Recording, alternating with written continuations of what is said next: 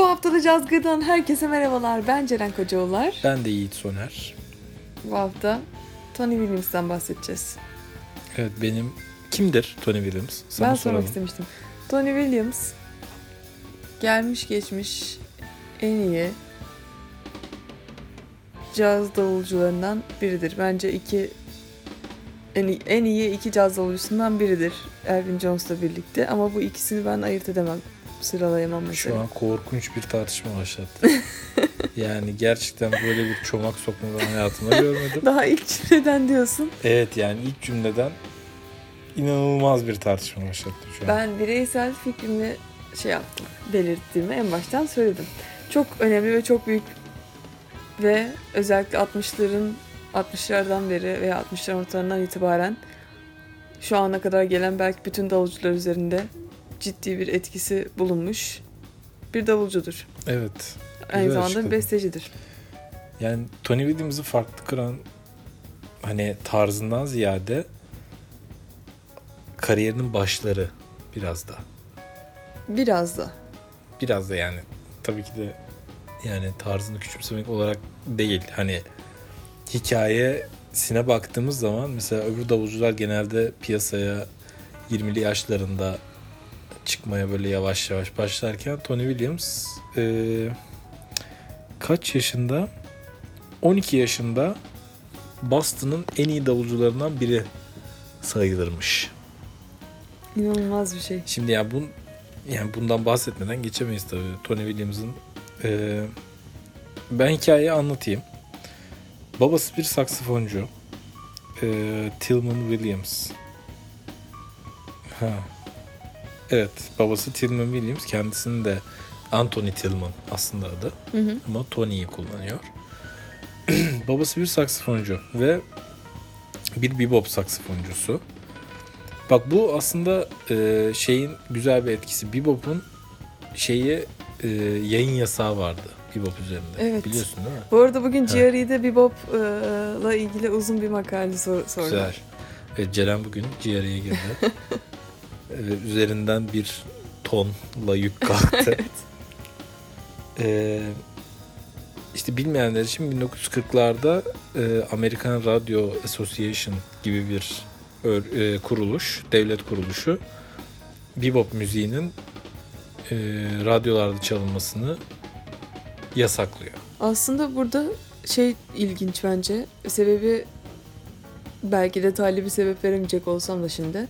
Öncesinde caz müziğin daha kabullenilmiş, daha bir geniş bir kitle ta- tarafından sevilen ve herhangi bir tehdit unsuru olarak, siyasi politik bir tehdit unsuru olarak gö- gözükmeyen bir şeyden bebop böyle yasaklanan bir şeye dönüşmesi aslında bir eee, bazı insanların işte biz artık işte daha nasıl desem anarşik bir müzik yapacağız.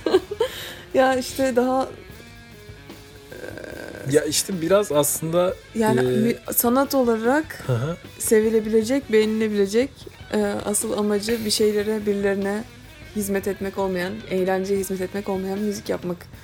E, ve yine çok yüksek virtüözite barındıran bir müzik yapmak olmasıyla ortaya çıkan aslında temelde.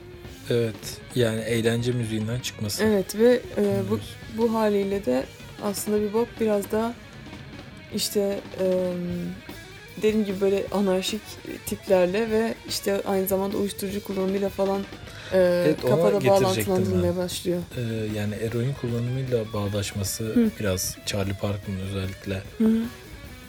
Hani ama o yani ana sebepten ziyade bir ön ayak gibi. Evet evet Geliyor bence bana. de. Yani şey değil.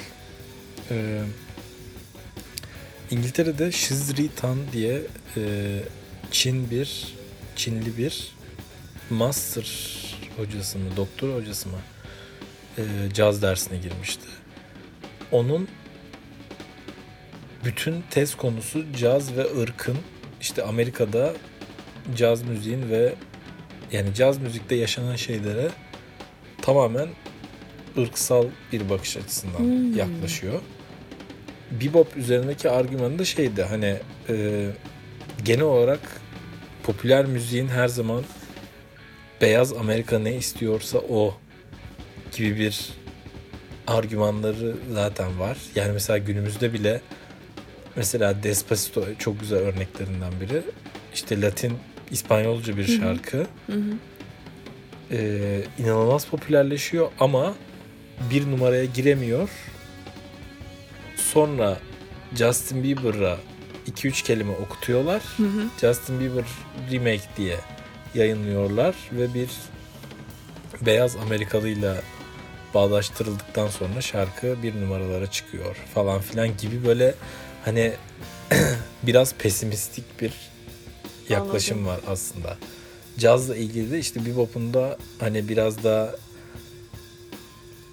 e, yani işte 20'lerdeki swing'i minstrelsy'ye benzeten bu böyle hani Hmm. sadece beyaz kitleleri eğlendirme amaçlı müzik yapan siyahi insanlar olduklarını öne Hissediyor. sürüp Evet, aynen. swing müzisyenlerinin işte bebop müzisyenlerinin gerçek işte Af- African American sanatı öne Aynen. çıkaran Yüksek insan sanat. yüksek sanat gibi yaklaşık bebop falan filan işte böyle hani bebop'un yasaklanmasında biraz hani aslında dediğin gibi anarşik Evet bayağı bir karşıt bir şey siyasi olması. şey gibi oluyor. hani siyasi bir şey olması ve işte beyaz Amerika dinleyicisinin tırnak içinde anlamaması ve dışlaması gibi tezler ortaya Evet. sunarlardı. Hatta son yani bebop üzerine belki son şeyimiz lafımız olsun şimdilik. Ee, Charlie Parker. Ben bebop Ee, hakkında asıl söylemek istediğim Ha şeyden evet o bayağı yüzden saptık. lafını çok böldük diye. Evet. Ee, Charlie Parker bebop'un cazdan tamamen ayrı bir müzik türü olarak kabul edilmesi gerektiğini savunuyormuş aslında. Ee, ve hatta o, o dönemin caz tarihçileri de Charlie Parker tabii ki çok çok ciddi bir etkisi olan bir figür olduğu için zaten bu müzik türünün kurucularından biri olarak ee, zaten onun bu yaklaşımı, onun bu yaklaşımı zaten e, çok büyük de etkiler yaratıp genel bir böyle bir algı yarattığı için o dönemin caz tarihçileri de bu şekilde kategorize etmişler. Caz ayrı ve bebop ayrı şekilde. Ama sonrasında tabii e, şu anda öyle değil. Cazın ortası, orta yerine laks diye Evet yani gerçekten cazın göbeğine oturtulmuş bir durumda. Ee, bir de ha şeye getirecektim. İşte bu bebop yasağının e, caz dünyası ve işte bebop müziği üzerindeki etkilerinden e, şey diye bahsederler. Mesela bebop'un radyolarda çalamıyor olması ve bebop'un ticari bir amaç güdemiyor olması Hı hı. ee, bu caz kulüplerinin bebop'un tamamen yani sadece sanatçıların sanat için yaptığı ve böyle ticari amaç işte sıfır olduğu için böyle hani çok pür Hı hı. bir müzik olarak görürler. Bebop. Tony Williams'ın da işte bu kulüplere gidip işte sürekli bebop'u hakikaten saf haliyle görüp tecrübe etmesi ve o 12-13 yaşlarındayken. Özellikle o davula 12-13 yaşta değil canım 7-8 Ha, yaşlarında evet, lütfen. 8 yaşlarında. 12-13 yaşlarında profesyonel bir davulcu Tony Williams. Yani bebop'un yasaklı olması ve gerçekten bu kadar e, kapalı bir topluluk içinde kendi sürecinde gelişmesinin Tony Williams'ın il- hayatı boyunca oturttuğu tarzda ve şeyde çok etkisi olduğunu düşünüyorum. Çünkü mesela hani Jazz Fusion'da da Hı hı. çok büyük e, sese sahip bir insan. Evet. Orada da mesela tarzı hani Jaco Pastorius'la kıyasladığın zaman işte Jaco'nunki biraz daha melodik bir müzik oluyor Hı. ama Tony Williams'ınki bebop gibi biraz daha Esintili. ritmik ve e, şey müzikler. Evet. Yani ikisinin fusion'ı da çok farklı mesela o açıdan. Öyle çok konuştuk. O zaman Ee, o zaman bir şarkı çalalım. Tony Williams'ın Lifetime isimli bir grubu var doğru anladıysam. Yani o bir grup gibi anladım Hı hı. ama biraz Albüm karışık grubu olabilir. sanırım orası. Yani bu Headhunters gibi bir karışıklık var orada. Yok yani doğru anladıysam Lifetime diye bir grubu var ve o Lifetime'ın bestelerini bir albümde birleştirmişler biraz James Farm gibi. gibi böyle Lifetime The Collection diye bir albüm Hmm. var. Tony Williams'ın e, yayınladığı. O albümde de benim çok beğendiğim Fred isimli bir şarkı var. Onu dinleyebiliriz bence. O zaman güzel dinlemeler.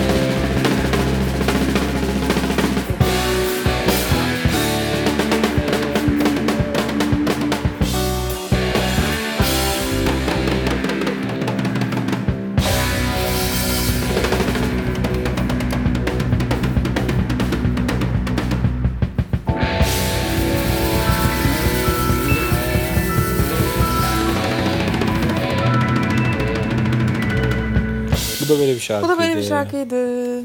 Ceren'e hazırlıksız yakaladım. Evet ben kitaba uzanırken bu kez Evet. Yine- kahpe bir düzen bu. İnsanı hazırlıksız yakalıyor. Ee, Bahset şimdi bakalım o zaman. Tony Williams deyince Miles Davis ile olan e, müzikal birlikteliğinden bahsetmezsek olmaz.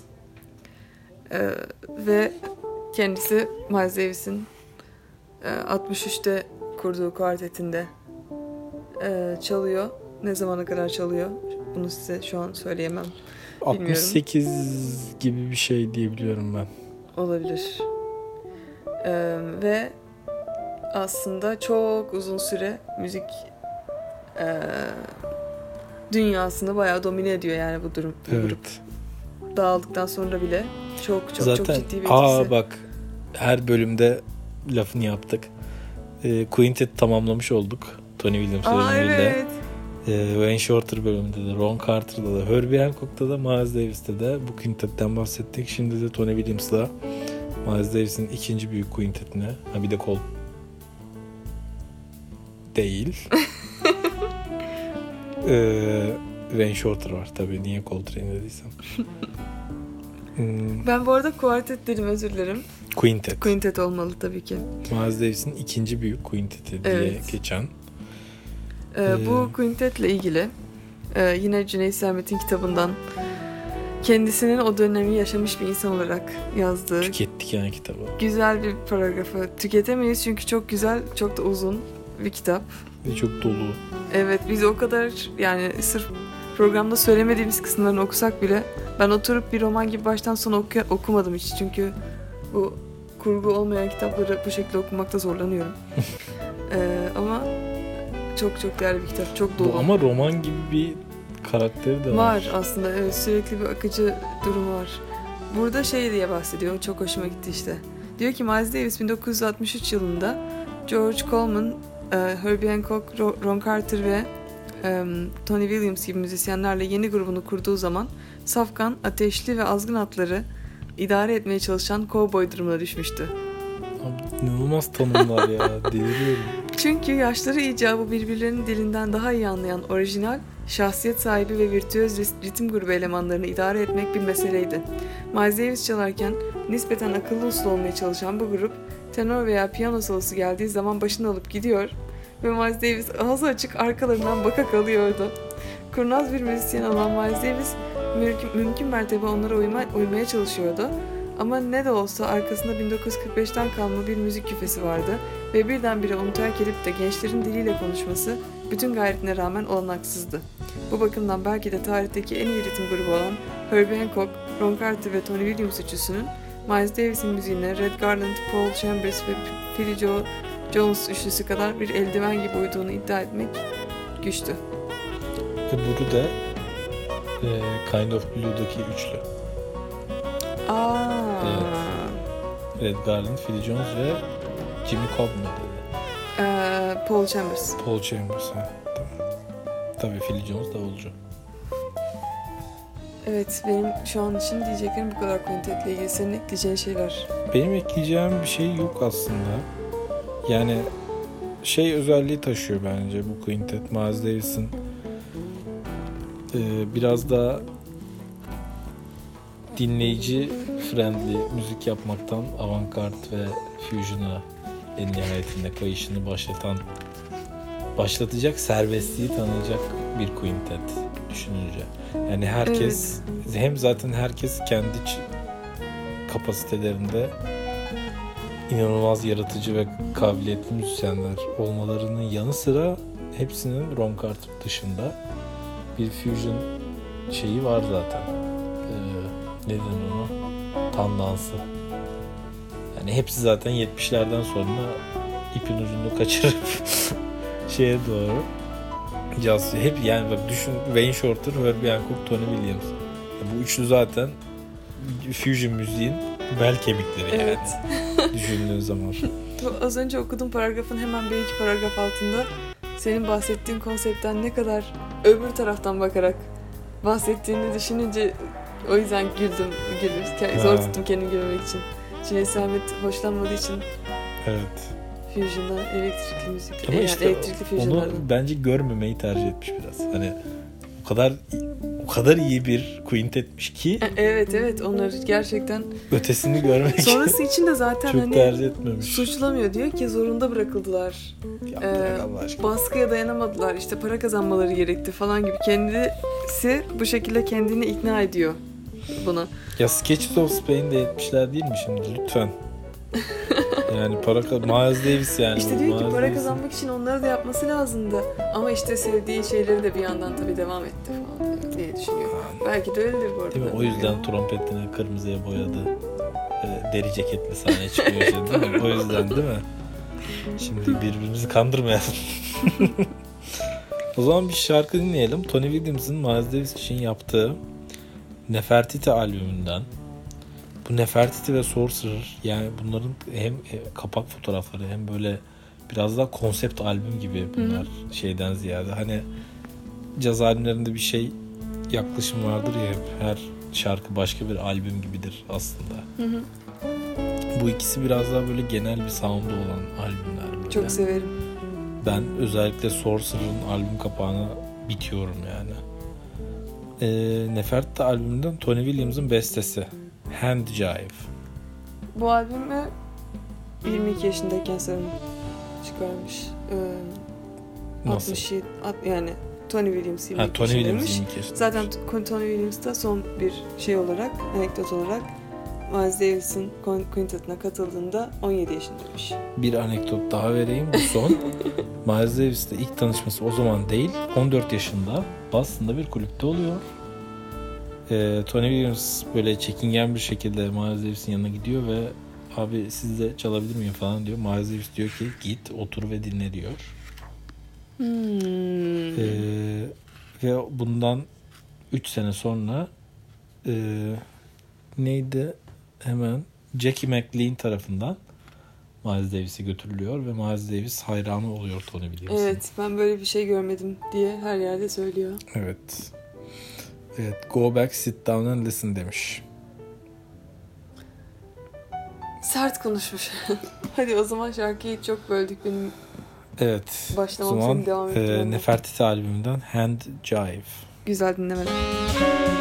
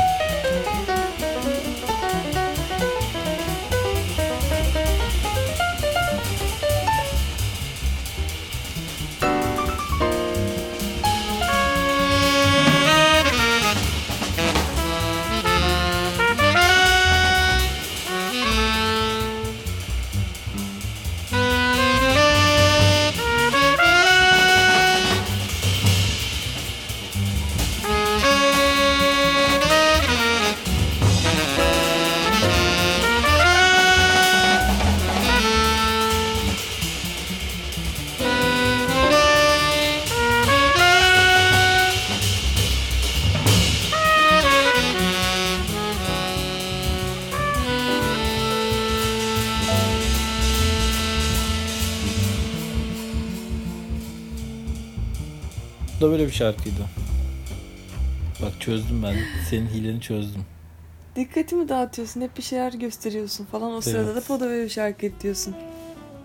Ee, o zaman e, çok konuştuk. Çok az şarkı çaldık. Evet. Sizi biraz Tony Williams'la baş başa bırakalım. Önce Tony Williams'ın Wilderness albümünden bu albümde yani yine beni çok sinirlendiriyor. Artık bizi dinleyenler alışmıştır İsmi- benim böyle şeylerden çok sinirlendiğime. İsmine yakışır bir Gerçekten yani bir otlak albüm. Stanley Clark, Herbie Hancock, e, Michael Brecker, Pat Metheny ve Tony Williams. inanılmaz bir ekip.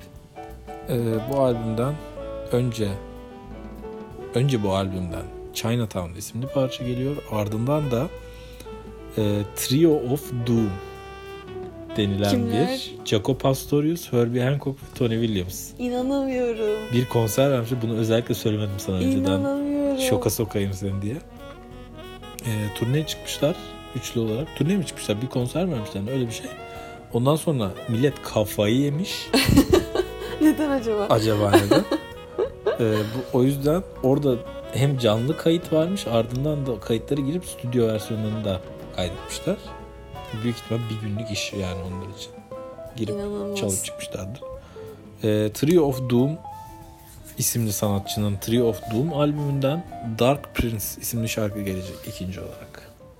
Güzel dinlemeler. to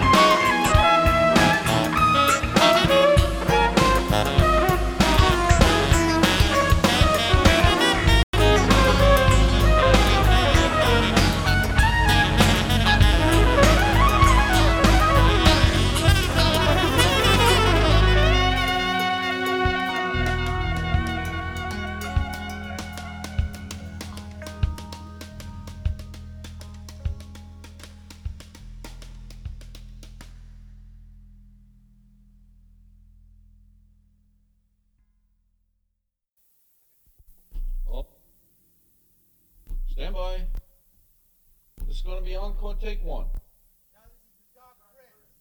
Oh, Dark Prince, take one.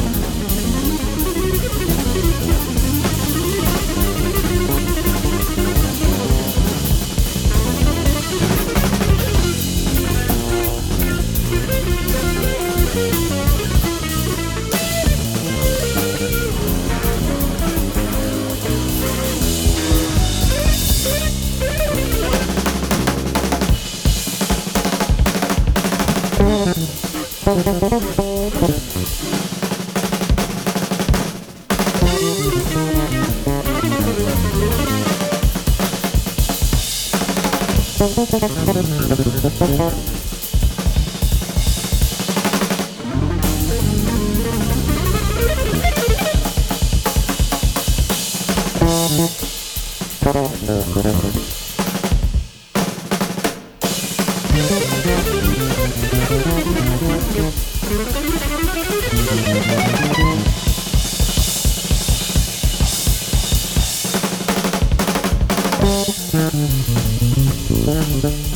Thank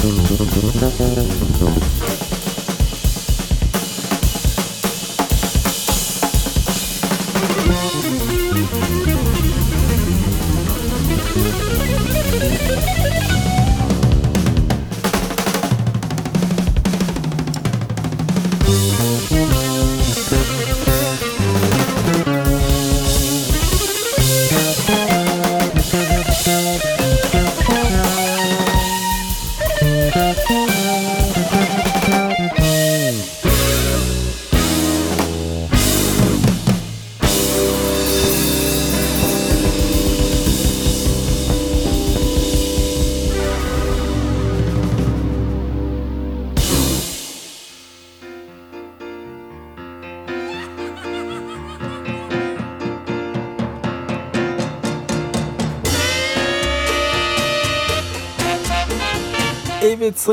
Dinleyenler Karpuz Adam segmentimize hoş geldiniz.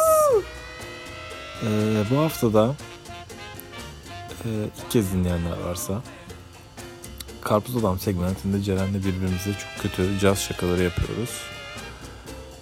Ee, öyle yani gülmeyeceksiniz baştan uyarayım.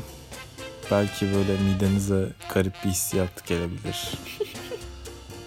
Ee, yani övülmek isteyenler oldu daha önce şakalarımızdan. Hastaneye kaldıranlar oldu. Hastaneye kaldırılanlar oldu. Birkaç kişi ıspanak yemiş ama yüzdenmiş. Peki Bu da şakalarımıza, işte yani espri kalitemiz bu seviyede.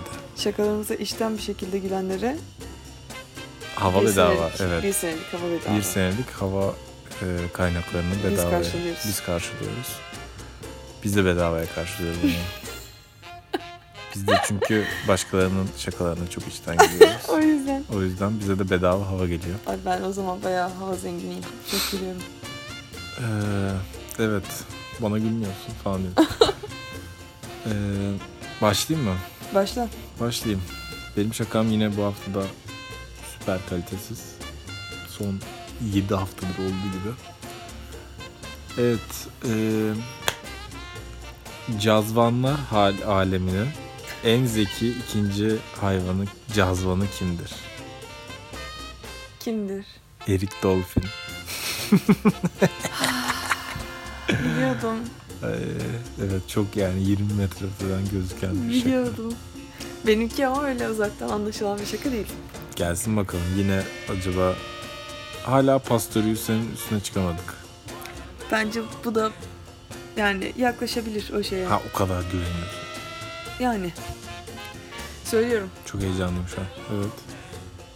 Ee, bir gün böyle bir Cool Jazz ekibi 50'lerde bir yani Cool Jazz sanatçıları evde bir evde yatıya kalmışlar hep beraber.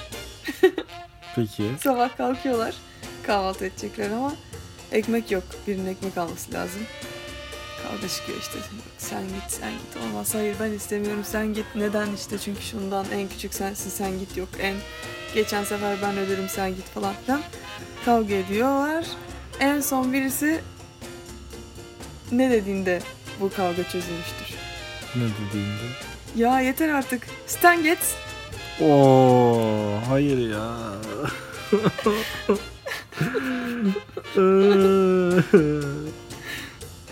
Ağlamak istiyorum. Bir de o kadar gururla baktın ki Stan Getz söyledikten sonra. Gerçekten. İnanamıyorum. Ve bilgisayarını aynı şekle kapaman. Espriyi yapıp bam diye mic drop. Of. Senin kendi esprinden sonra buna laf etmeye hakkın yok. Ama bu hafta cazgının sonuna geldik. Haftaya daha iyi bir şaka hazırlamak için bir hafta vaktim var. O yüzden üzülme. Bizi dinleyen herkese çok teşekkür ederiz.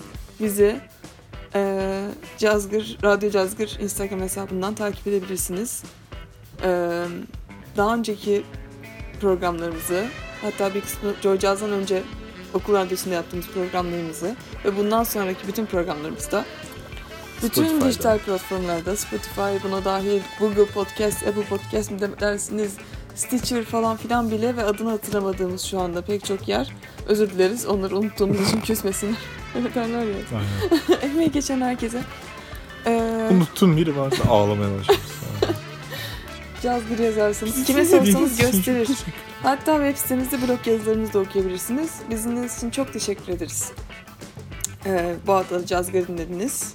Ben Ceren Kocaoğullar. Ben de Yiğit Soner. Bir hafta sonları. Hepinizi Seviyoruz. sevmeklerimiz hariç. Hariç. İlk kez ben söyledim. Çok garip hissettim şu an.